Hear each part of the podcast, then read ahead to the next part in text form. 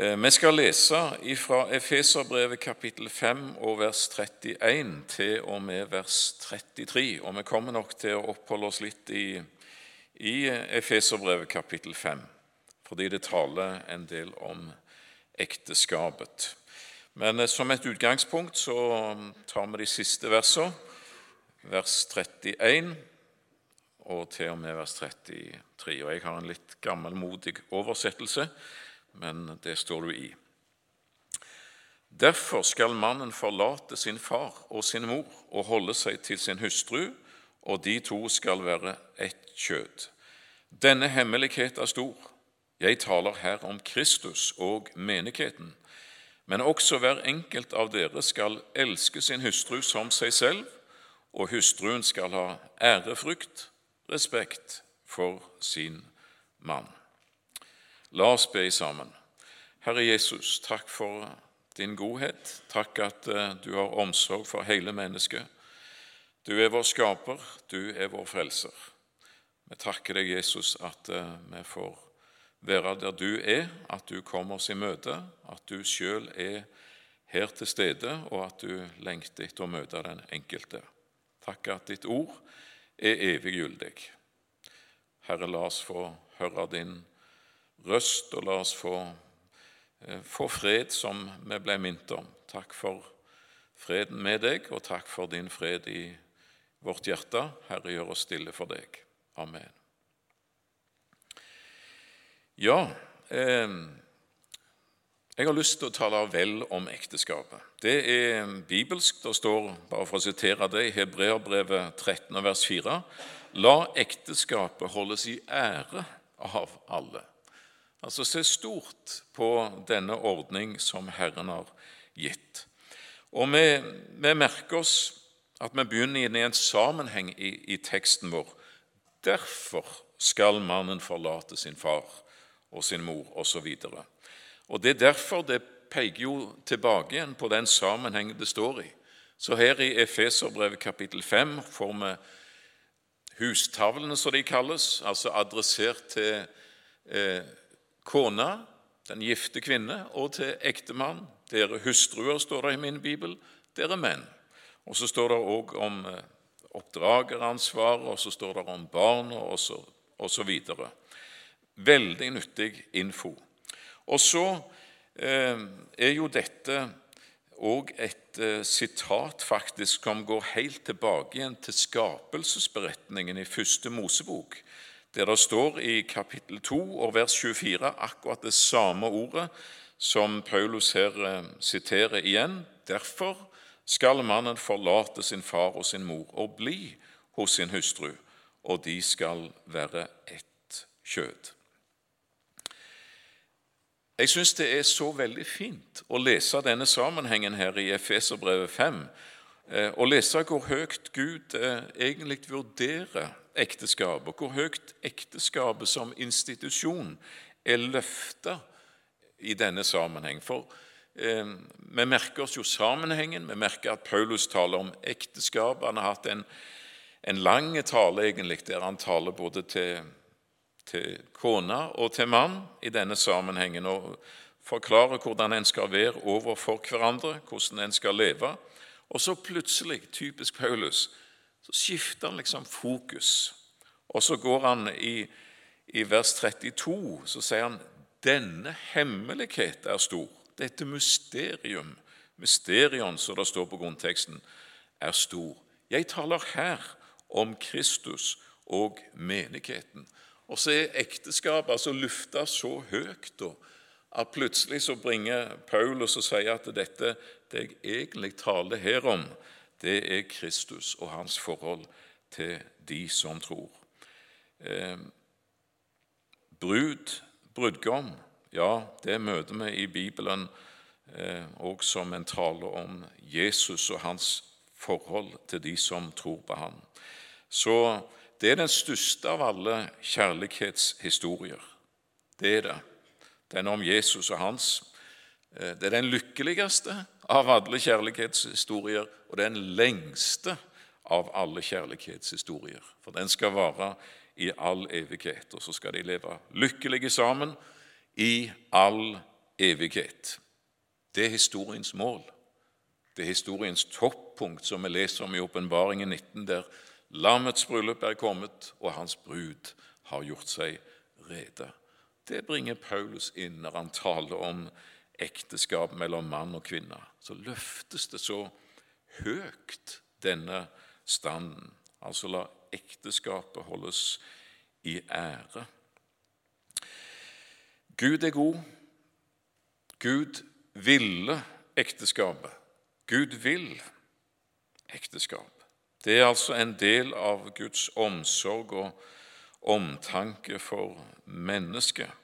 Og som vi allerede har sagt her i Efeserbrevet kapittel 5, her eh, spoler Paulus helt tilbake igjen til skapelsesberetningene. Det kan godt vi òg gjøre.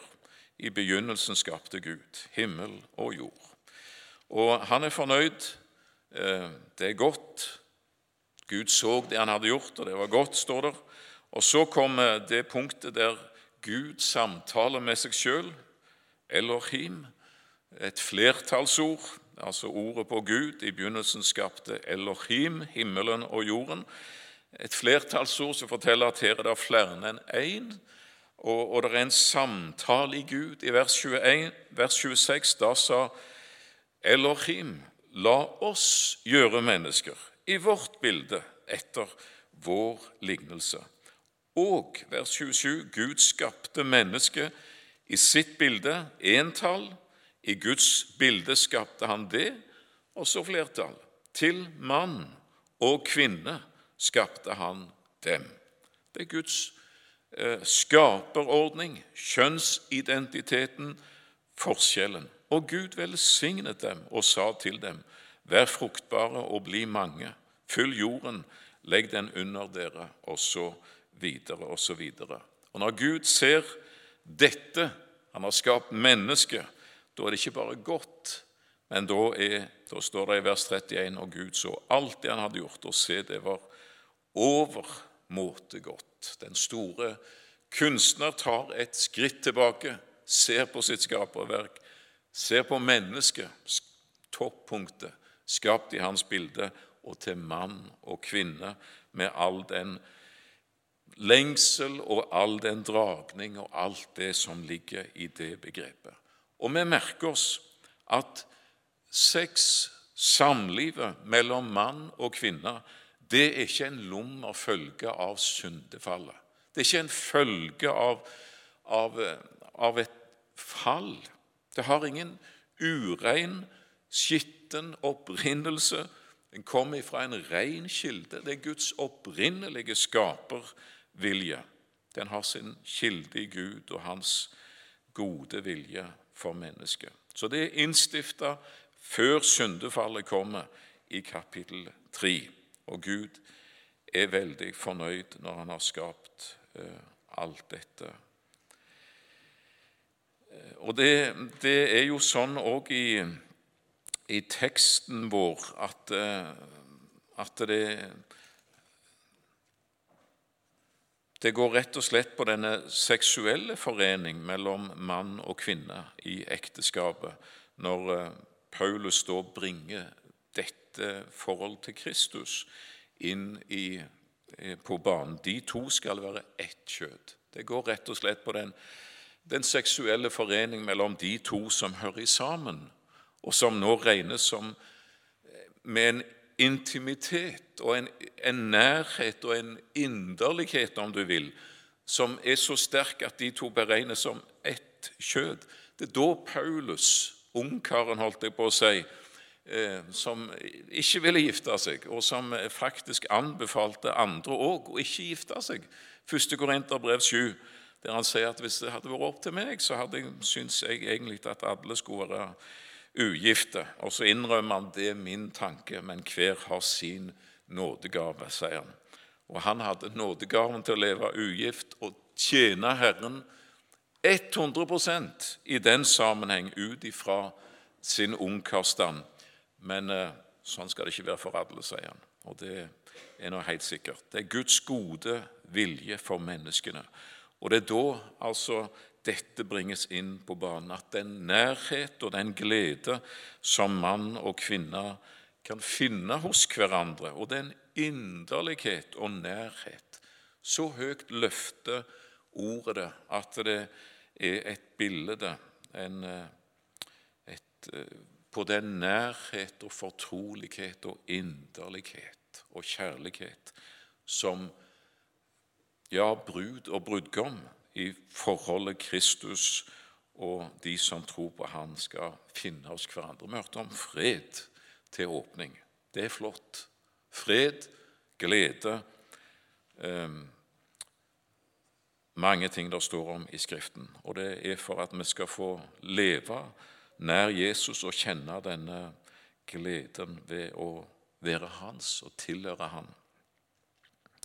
Den gleden så, som bruden i høysangen eh, snakker om når hun sier at 'min elskede er min, og jeg er hans'.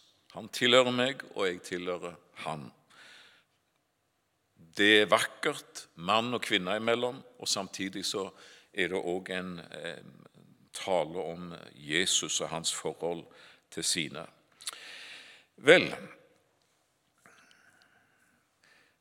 Det er jo flott å lese skapelsesberetningen. Jeg må si det. Første Mosebok kapittel 1 og eh, kapittel 2, der, eh, der en får litt eh, nøyere beskjed om hvordan det foregikk når alt Altså, det var jo fullkomment, det var ingen synd i, i verden og i skaperverket, men Adam var alene, og det er mulig at han kjente på en ensomhet som han ikke, kanskje ikke helt forsto.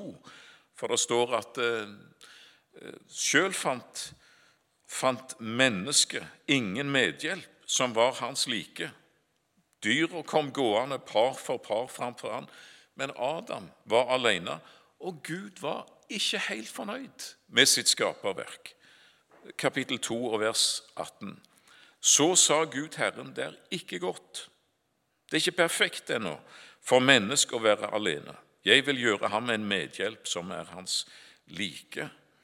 Og så lar Herren i vers 21 en dyp søvn komme over mennesket, og så bygger han altså Han tok av et av hans ribben og fylte igjen med kjøtt. Og Gud Herren bygde av det ribben han hadde tatt av mannen, en kvinne, og førte henne til mannen.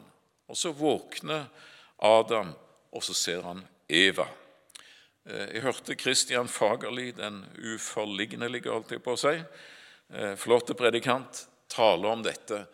Eh, fantastisk å høre på når han på å si, malte noe av, av skjønnheten i denne beretningen framfor oss. Og det øyeblikket når Adam åpner sine øyne og ser av Eva stå der foran. Og det er jo en kjent sak. Jeg har lest og hørt det før, men det ble veldig fint og nytt for meg når jeg hørte Kristian tale om det. For i en del bibeloversettelser så har han gjort det sånn at en, en med teksten skiller mellom prosa og poesi. Altså prosa, det mer saklige, nøkterne beskrivelsesspråket som ikke har de store følelser, men som forteller egentlig hvordan det var prosa. Eh, og her er det altså for første gang i Bibelen at du møter poesien. Og som Kristian da sa det, at dette er historiens første kjærlighetsdikt. For når Adam slår opp øynene, Gud vekker han, og Gud, Herren, har ført Eva til han, da, blir rett og slett språket for fattig. Altså, prosaen dekker ikke dette. Så det bruser i Adams sitt hjerte, og han framfører poesi.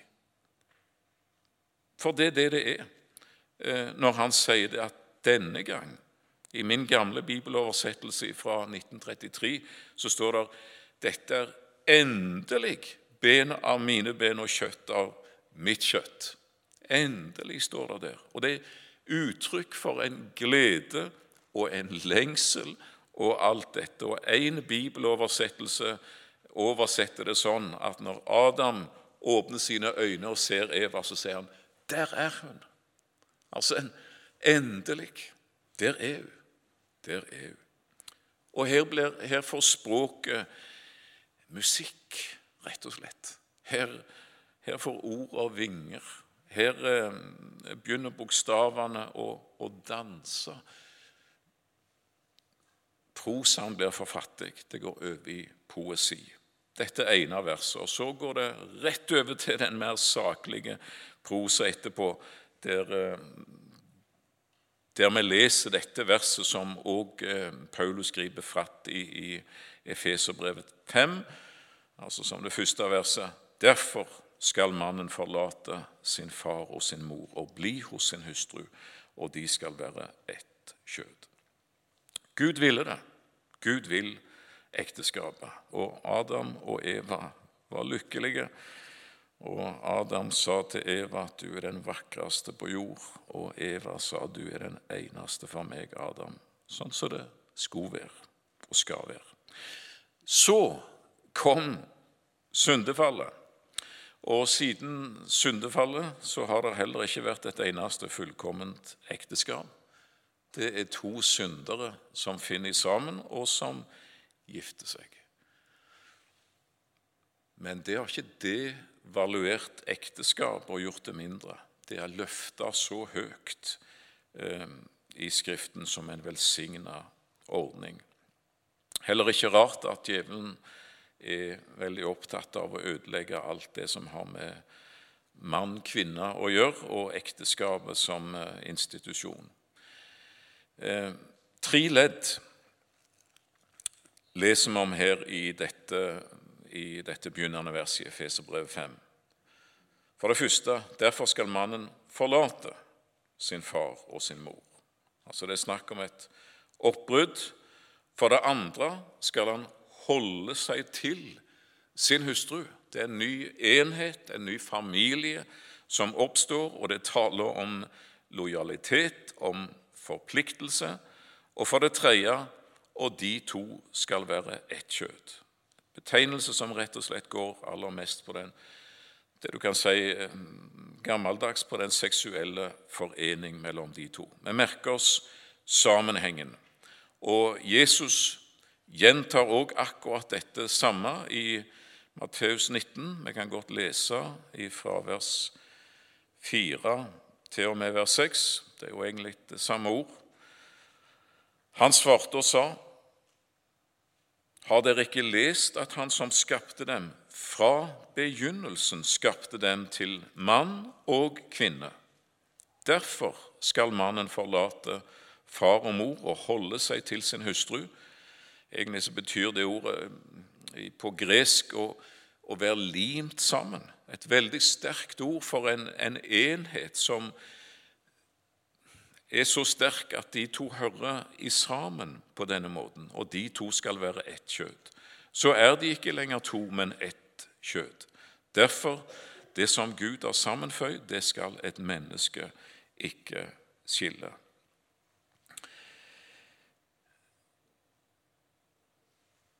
Derfor er òg et ekteskap noe annet enn samboerskap, fordi at det, det er nettopp denne sterke forpliktelsen, altså et oppbrudd, et endelig oppbrudd fra, fra, den enheten du hørte til i som familie, altså du stilling som barn, ja, du fortsetter å ha det, men, men nå er det en ny enhet, rett og slett. Og de to Det er ingen i prinsippet ingen mulighet for retrett. Det leveres ikke noen eh, eh prøvetid eller noe sånt. Ikke sant? De to de hører i sammen, og så skal de være ett kjød. hvordan det har vært praktis, eller Selve denne markeringa har vært praktisert opp gjennom tidene, den har vært forskjellige. Men det er altså en, en, offentlig inngåelse av en pakt, som er et veldig sterkt ord, en ekte pakt, som er ubrytelig der de to hører i sammen. Eh, første Tessalonikerbrev, kapittel 4, vers 3-5. Et eh, viktig ord å ta med seg i, i denne sammenheng. Første Tessalonikerbrev 4, vers 3-5. Merker oss at Paulus er ganske bestemt når han sier dette. For dette er Guds vilje, deres helliggjørelse. Hold dere borte fra hor. Hver av dere må vite å vinne sin egen ektefelle i hellighet og ære, ikke i lidenskapelig begjær, slik som hedningene, de som ikke kjenner Gud. Ikke så helt enkelt, det der. For å si sexpress det er, Vi lever i et samfunn der det er så enormt mye av det fra utsida av, men det kommer jo òg fra innsida. Ikke sant? Du har eh, lengselen og, og dette Gud, denne gudgitte drift og lengsel som han faktisk har nedlagt i oss mennesker. Så det er et, et press fra innsida og Samtidig så er det et, eh, et enormt press til misbruk fra utsida. Og det eh, Hollywood og filmer og alt mulig det er sannelig ikke lang vei til køya, for å si det sånn. Skal være annerledes, sier ordet her iblant oss som hører Jesus til. Vinne sin ektefelle i hellighet og ære. Det er òg med omtanke for mennesket. Du skal kjenne den du gifter deg med. Ikke bare på den, si, ikke på den intime måten. Ikke på det. Det hører ekteskapet til. Men skal kjenne, dere skal kjenne hverandre som mennesker. Dere skal snakke om mange ting. Dere skal ta tid. En skal være varsomme med ikke å sette seg sjøl i en stilling der en blir frista over evne. Og en skal kunne be i sammen lese Guds ord i sammen, snakke om alt mulig. Du skal kjenne den du gifter deg med, som menneske. Hvor mange er det ikke som i, i forelskelsens rus eh, finner i sammen, gifter seg kanskje, så, eller går inn i et forhold, og så etter hvert så fant du ut du kjente egentlig ikke personen. Så dukker det fram det ene og det andre. Og dessverre så er det mange som har funnet ut, og jeg har møtt noen av dem òg, som fant ut i ettertid De gifta seg med en psykopat. De gifta seg med en som hadde voldelige tendenser. Kanskje hadde de sett en ørliten anelse av det før òg, men i, ikke sant, i forelskelsens rus det, det skal bli så bra. Det er òg med hensyn til mennesket, når det står her altså i hellighet og ære. Kjenne hverandre som mennesker, og den som hører Jesus til. At en kjenner hverandre også som troende og har den, eh, den basisen som jo er så uendelig viktige i et ekteskap, i et langt et livs eh, troskap imot hverandre. Eh, ja, det er de som sier det at ja, men behøver ikke noe papir, sier de. Med, med samboerskap er godt nok. Sånn eh, en kristen vil leve av livet etter Guds ord. Og Dessuten så er det noe sånn at eh, det er ganske pussig at mennesker som sier det er bare et papir Hvis de kjøper en leilighet eller kjøper et hus, og selgeren sier det at vi, vi tar ikke noe papir på dette, vi tinglyser ikke, vi bryr oss ikke med dokumenter da er det plutselig eh, noe en gjerne vil ha orden på. Eh, dette er et ekteskap. Ikke sant? Det er en pakt. Det, også, det er en offentlig sak eh, i forhold til, til alle omkring og til samfunnet. Og du går inn i det med hele deg. Forlate sin far og sin mor. Det er det første leddet i det. Og jeg tør påstå det at det er en del ekteskap som har fått eh, for store problemer. Ja, jeg har snakket eh, med noen òg når det gjelder dette, og jeg har møtt eh, flere av dem, fordi at en hadde en usunn binding til foreldre. At svigerfar, svigermor ble for invaderende i det nye forholdet. Det der er faktisk et oppbrudd. Og en, eh, en, eh, Du skal hedre din far og din mor. Det gjelder livet ut, og du er barn. Men nå går du inn i et helt nytt forhold. Og din største forpliktelse er overfor din ektefelle. Mer enn overfor dine foreldre, faktisk. En større lojalitet der i et normalforhold. Forlate, oppbrudd, det er det første vi leser om. For det andre holde seg til. Eh, til lime, som det står på gresk. altså eh, Det er en veldig sterkt ord. Eh, og en leser jo dette uttrykket 'ett kjøtt'. Altså det er to selvstendige mennesker. De, deres personlighet og identitet er aldeles ikke utsletta, og de skal leve hvert sitt liv og hver for seg. Og likevel så er de en enhet som på en positiv og riktig måte skal gå i hverandre. De hører i sammen. Eh, Nå står det i Matteus 19, når Jesus taler om eh, ekteskapet, og sier at derfor det som eh, Gud har sammenføyd, det skal et menneske ikke skille. Så eh, fortsetter han med å si det i vers 8, når de spør ja, men hvorfor har da Moses bestemt at en skulle gi hustruen skilsmissebrev og kan skille seg fra henne? Så svarer Jesus det er ikke den opprinnelige eh, skapervilje, men fordi dere har så hårdt et hjerte, tillot Moses at dere skiller dere fra deres hustruer. Men fra begynnelsen av var det ikke slik. Og det er sant, jeg taler nå om et normalforhold mellom mann og kvinne. Jeg tror òg det, at det, altså som Jesus sier her, for deres hårde hjerters skyld Det finnes tilfeller der en skilsmisse er det minste onde, ikke minst av hensyn til barna. Har møtt mennesker der hun burde gått for lenge siden, av hensyn til sine barn, om ikke annet. Kanskje var det vold, overgrep på den ene og den andre måten. Så det er en, en nødutvei, men i et normalforhold mellom to jeg håper å si, friske, sunne mennesker så eh, sier Bibelen det så sterkt at eh, de to er ett, og de hører i sammen. Jan P. Syse, tidligere statsminister, han sa det sånn man må ville et ekteskap. Det er helt sikkert. Det kommer tøffe tider i et hvilket som helst ekteskap. Jeg tror ikke det er mange som slipper igjennom uten at det koster. Det blir omkostninger. Det er arbeid, rett og slett. Det er verdt det. Det er verdt det.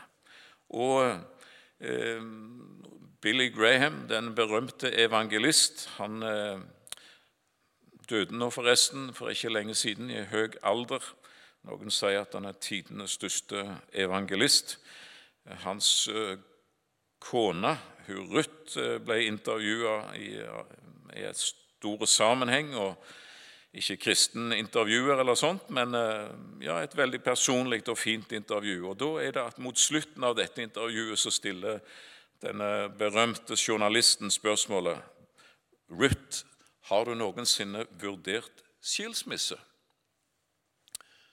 Da svarte Ruth, som du kanskje har hørt, nei, svarte hun eh, med en gang. Og så bitte liten kunstpause, og så sa hun men jeg har vurdert mord noen ganger. Eh, en kan jo forstå det, ikke sant? Men jeg syns det var en veldig fin måte å si det på. Nei, skilsmisse det har aldri vært på tapetet. Den, den veien er stengt. Vi har forpliktet oss. Vi skal holde sammen. Avlagt et løfte innenfor Gud og mennesker. Det har vært noen tøffe tider men eh, vi hører i sammen. Forlate, holde seg til og ett, være ett kjøtt. Det er så flott å se hvor høyt Gud løfter dette samlivet mellom mann og kvinne. Jeg tenker hermed på Kristus og på menigheten. Og Jeg syns òg denne sammenhengen, hvis du leser Feserbrevet kapittel 5, så er det denne fine rammer rundt seksualliv òg, som han taler om her, at de to skal være ett kjød. Eh, det står jo i en sammenheng, og hvis du, hvis du leser det eh, i vers 28, f.eks., i siste versene før, så står det en forpliktelse til oss eh, ektemenn. Slik skylder også mennene å elske sine hustruer. Tre ganger repeterer Paulus det bare i løpet av noen få vers. At det er vår forpliktelse. Slik skylder også mennene å elske sine hustruer som sine egne legemer. Den som elsker sin hustru, elsker seg selv. Vil du ha det greit i livet? Vil du, vil du ha det bra? Har du omsorg for at du sjøl skal ha det fint, så elsk din kone. Det lønner seg, simpelthen. Det, det er bra for deg. Og ingen har noen gang hatet sitt eget kjød, men han nærer og varmer det, slik også Kristus gjør med menigheten. Igjen denne dimensjonen. Men det, er en veldig fin sammenheng. Eh, elske nære og varme sin eh, brud. Derfor skal mannen forlate sin far og sin mor, holde seg til sin hustru. Forpliktelse. De to skal være ett kjød. Intimitet. Altså dette, dette er rammen rundt det, i en ramme av troskap, av lojalitet, av kjærlighet, respekt, som det tales om i vers 33, ærefrykt av det å ha omsorg, altså nære, eh, for personen og varme henne. Et kristent ekteskap skal inneholde mye varme, ikke være et kjøleskap der de gode ord blir sagt, der, eh, der en ikke legger skjul på at en faktisk er, glad i den en er gift med. Innen den ramma er det altså seksuallivet skal leves. Og Ikke kan jeg forstå noe annet enn at det er den beste forutsetning for at de to som sammen skal finne ut av dette i et livslangt ekteskap, at de skal eh, ja, og vite og kjenne glede ved denne delen som er så viktig av livet. Gud er god. Hans vilje er god, og hans skaperordning er god og det gir velsignelse å leve etter Hans ord. Ehm, nå har jeg prekt en stund allerede. Ehm, vi må jo innom hustavlene. For der eh, står det eh, rent praktisk hvordan ekteskapet skal være, hvordan ei kone skal leve i forhold til sin ektemann, og en ektemann i forhold til si kone. Det begynner i vers 22, dere hustruer, og i vers 25, dere menn. Ehm, men før han begynner å tale liksom til å si at nå er det dere gifte kvinner jeg taler med, så nå kan dere mannfolk eh, se på en fotballkamp eller finne på noe annet, for dette er ikke deres. Dette er til dere hustruer. Og så, nå er det dere menn det gjelder, så nå er det deres oppmerksomhet de skal ha. Og så skal den gifte kvinne hører det som heter henne, og så skal ektemannen høre det som heter han. Og Når Luther eh, taler om disse ting, så sier han at eh, når hver sin lekselære vil, da står det godt i huset til. Vet du hva tid det ikke står godt i huset til? Det er når ektemannen tar det som er adressert til kona, og bruker det som våpen mot henne og sier 'du skal være sånn', og 'du skal være sånn'. Det står jo til og med i Bibelen. Og når kona så repliserer ja, 'Hvordan skal du være da?' Det står Da blir det feil. Da står det ikke godt i huset til. Jeg har som ektemann ingenting med å foreskrive min kone det som er skrevet til henne. Ikke sant? Du går i en postkasse og du ser at der er et brev som ligger Det er jo ikke mange brev nå lenger, men, eh, men si at det nå var sånn. Der er et brev som er adressert til naboen. Da åpner du ikke den. Da legger du den fint i vedkommende sin postkasse, og så åpner du det som er adressert til deg. Sånn skal en ektemann gjøre. Skal ta imot det som er adressert til han, og så skal han ikke bruke det som står til henne, som et våpen mot henne. Jeg har lest brev i forhold som er ren gift. Du kan bli aldeles sjokkert over et menneske som ønsker å være bibeltro. Skilsmisse, der eh, det kommer brev til den andre part med, med bibelsitater opp og ned og opp i mente at du skal være sånn, du skal være sånn, du skal være sånn, du skal være sånn. Ren gift. Livsfarlig. Ikke et ord om hvordan han skulle være i forhold til henne. Ikke sant? Bare hva hun skal være imot ham. En skal lese det som står adressert til seg. Og når mannen leser det som står til han, og når kona leser det som står til henne, da blir det veldig bra. Veldig bra. Da blir det en gjensidighet. Og sånn skal det være i et kristent ekteskap. Vi, vi trenger rett og slett Nå er jeg en giftemann. Jeg har vært det ganske lenge. Takknemlige for det, at jeg eh, fremdeles får lov til å ha min fru, og at vi får glede oss over livet i sammen. Jeg trenger å korrigeres. Jeg må hele veien det av Guds ord. Ikke sant? Jeg åpner min bibel, og jeg leser, og jeg blir korrigert. Og jeg tror ikke, ja det er jeg helt sikker på, at mitt ekteskap hadde vært sånn som det var, om ikke jeg hadde hatt Guds ord det er noe veldig flott. Jeg er, jeg er takknemlig for formaningene i Guds ord. Det står så mange av dem. Jeg er takknemlig for hver og en som har berørt mitt liv og gjort meg til en annen enn den jeg ellers ville ha vært. Det har kun brakt velsignelse.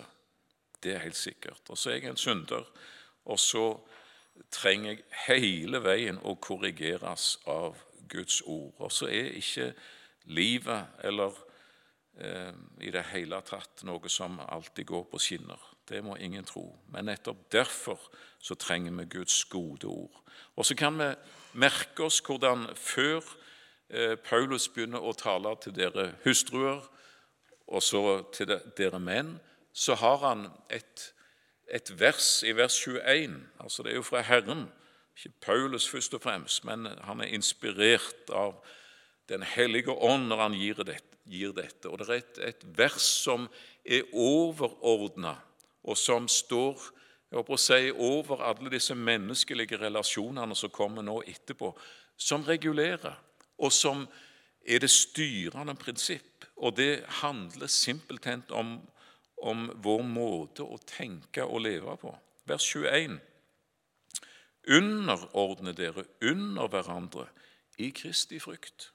Så begynner jeg å tale til dere hustruer, og så begynner jeg å tale til dere menn. Og så har jeg noe å si til, den, til begge to. Men det jeg sier til dere alle, enten dere er her eller der, det er dette som er det overordnede prinsippet i Guds rike, nemlig underordning. Underordne dere under hverandre i Kristi frykt. Underordning er nok ikke et, et veldig eh, skatta ord i vår sammenheng i dag. Men det er faktisk selve prinsippet i Guds rike og mennesker imellom. Det betyr simpelthen å anse seg sjøl som en tjener i forhold til sin neste. Ikke som en herre som står over, men som en tjener. Sterkt ord, egentlig. Slave. Som, som anser seg sjøl som en tjener som går inn under den andre. Og det er jo et eh, helt imot det som verden tenker. For det at i, i verden så er det jo overordningsprinsippet som rår. At en vil opp og fram, og en kan om nødvendig eh, bruke andre som stigbrett og bøyler. Altså en, en, vil overordne seg. Problemet er jo det at eh, noen blir tråkka på. Skal du over, så kan du bruke mennesker som middel, og du, kan, du skal klatre opp igjennom, for du skal høyere og høyere og høyere. Tenk på dette, dette Guds rike prinsippet mellom mennesker. Underordne dere under hverandre i Kristi frykt, i respekt for Jesus. Der ligger begrunnelsen. Så der er det et menneske som praktiserer. Han ikke bare leser Guds ord, men han, han lever Guds ord. Og han går inn under sin neste og tjener og løfter vedkommende. Hva gjør så den neste? Jo, hun praktiserer også Guds ord. Hun anser seg som en tjener i forhold til sin neste, så hun går inn under han og løfter. Og så er det det som er prinsippet. Lite praktisert, dessverre, men sånn er det i Guds rike. Det skulle være. Og det fine med det, er at det, det er ingen som blir tråkka på når det er sånn. Det er bare mennesker som blir løfta fordi det er et tjenersinn som bærer det hele. Det står ikke imot å ha en, for en overordnet stilling, eller å ha, ha makt eller myndighet. Men det betyr at når et menneske òg har myndighet, så skal du bruke den myndigheten til å tjene din neste. Altså det motsatte av, av det egoistiske prinsipp. Og så tales det så til, eh, til koner, til gifte kvinner, mer presist, finere sagt, eh, en adresse til henne. Underordne dere under deres egne menn som under Herren. Jeg har ikke tid til å gå noe nærmere inn på det, men det, det minnes hun om. Altså Anse deg sjøl som en tjener i forhold til din ektemann. Og Det står i vers 33, som vi leste, at hustruen skal ha respekt ærefrykt for sin mann. Eh, ja, så sier Guds ord. Det har ingenting å si eh, det har ikke noe, for det er veldig lett så hører en da at da, mannen, eh, da skal mannen overordne seg. Nei, han har òg akkurat den samme formaningen i verset foran. Skal anse seg som en tjener i forhold til sin kone. Og så adresseres det Klart vi kunne sagt mye mer om det. Eh, burde utlagt det mer, men vi har ikke tid. Og så kommer det i vers 25.: Dere menn, elsk deres hustruer. Ja vel. Eh, og det er faktisk ikke snakk om følelser først og fremst, men det har veldig mye med vilje å gjøre. Selv når en ikke føler det så veldig sterkt, så skal en gjøre det gode. Du skylder det, sier Paulus. Og Det som er så fantastisk, det er jo det òg at, eh, at eh, du gjør gode gjerninger, så skaper det følelser, rett og slett. Slik er det. Det har psykologi noe å si om. Hvor høyt skal jeg som ektemann elske min kone? Jo, like som også Kristus elsket menigheten. Det er litt av et ord og litt av en betegnelse å gi. Eh, og gav seg selv for den. Så en, en ektemann er forplikta både til å dø for si kone, om så gjaldt, og å leve for henne. Jeg eh, syns det var Jeg var på et møte her forleden eh, der det var, ordet ble gitt fritt, og det var vitnesbyrd. og Da var det en mann som reiste seg, og han vitne om når han hadde møtt Jesus, og alt var blitt nytt. Og så tror jeg han fikk en innskytelse som han ikke helt hadde planlagt på forhånd. For han sa det at 'jeg ble en bedre ektemann for kona mi', sa han, 'etter at jeg ble en kristen'. Hvis dere ikke tror meg, så kan dere spørre henne, sa han. Hun sitter der. Alle snudde seg og så på henne, og hun rødma kledelig og smilte og, og nikka. Hva annet skulle hun gjøre? Hun var jo i en gisselsituasjon der og da. Men, eh, men jeg tror han faktisk på det. Eh, jeg tror at hvis du praktiserer Guds ord, så gir det velsignelse. Ja, jeg er overbevist om det. Og jeg håper å si Jeg våger faktisk å si at jeg har erfaring av det. Ganske mye av erfaring. Og av det motsatte. Når det var egoismen når det var en sjøl en tenkte på, ble ikke noe godt av det. Men det bibelske prinsippet, det velsigner. Ja visst gjør det. Og en, en Stavanger-mann som ble kristen for en del år siden, aldeles uventa, for han hadde ikke noen bakgrunn eller noe sånt, men han, ble, han møtte kristne folk og snakket med dem, og han ble rett og slett radikalt omvendt. Og til kona sin forundring og til familien sin forundring og alle andres. Men etter en stund så hadde veslejenta gjort en interessant eh, observasjon. Hun sa det til han. 'Pappa, du er blitt snillere med katten etter du var blitt en kristen. Så det, det kunne hun lese det av på. Eh, ok. Eh, I alle fall med sin ektefelle. Hvis, hvis, Jesus, hvis, du lever med Jesus, så må jo det ha konsekvenser for ditt liv. ikke sant? For din måte å tenke på, din måte å leve på. Husker jeg leste her forleden en, en, en mann som skrev det at eh, Mitt ekteskap ble redda når det kom en tredje vilje inn i vårt forhold. Det var de to, mann og kone, to viljer som møtes, og han hadde en mye sterkere vilje enn henne. Og Dessuten så var det sånn i hans heim at der var det ektemannen, det var faren, som, bestemte alt og skulle ha alt på sin måte. Sånn overførte han òg det til sitt ekteskap. Alltid han som skulle ha viljen sin. Og han visste ikke det, at eh, der går hans kone og tenker nå orker jeg ikke mer å bli tråkka på og bli behandla på denne måten. En dag så sitter denne mannen skriver han, eh, forteller, og leser i Bibelen, og plutselig så slår det ned i han. Jeg har synda. Jeg synder mot eh, kona mi. Det er ikke sånn jeg skal leve i forhold til henne. Jeg, jeg er en stor egoist. Jeg tenker bare på meg sjøl. Og han var så mye til mann at han lukka sin bibel og gikk rett til kona og sa, 'Kan du tilgi meg at jeg har vært en sånn en egoist?' Jeg ønsker å begynne på ny, og jeg ønsker å være annerledes enn jeg var. Det er det fine med Guds ord. Altså, Du kan lese det, og så skal du få leve det. Guds ord gjør forandring. Jesus gjør forandring.